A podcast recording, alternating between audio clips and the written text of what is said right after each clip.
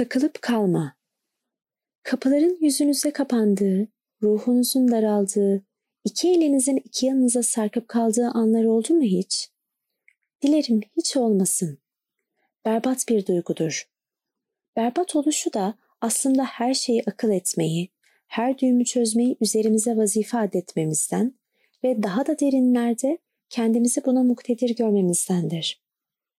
Kontrol isteğinin bu raddede güçlü olması, korku, kaygı ve üzüntüyü de ta en başından davet ediyor.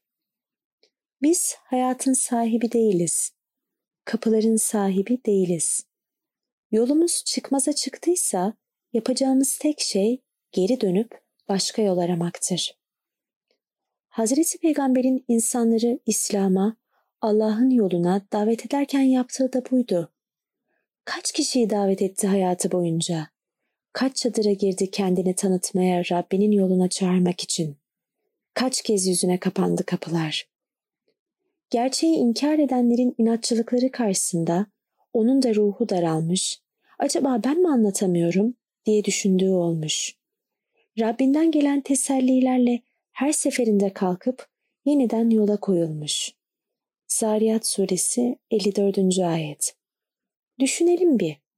Amcası Ebu Talip'te takılıp kalsaydı peygamberimiz ya da babasında takılıp kalsaydı İbrahim aleyhisselam veya oğlundan başkasını gözü görmeseydi Hazreti Nuh aleyhisselamın tevhid yolunun nice başka yiğitleri olduğunu göremeseler takılıp kaldıkları o kapının önünde bütün enerjilerini ve vakitlerini harcasalardı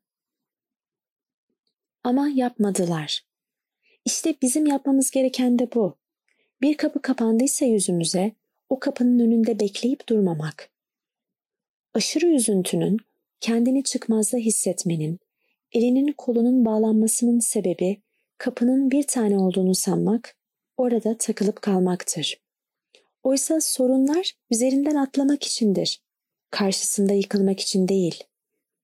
Aşırı korku, makul olanın fevkinde kaygı, helak eden üzüntü. Bunlar şeytandandır.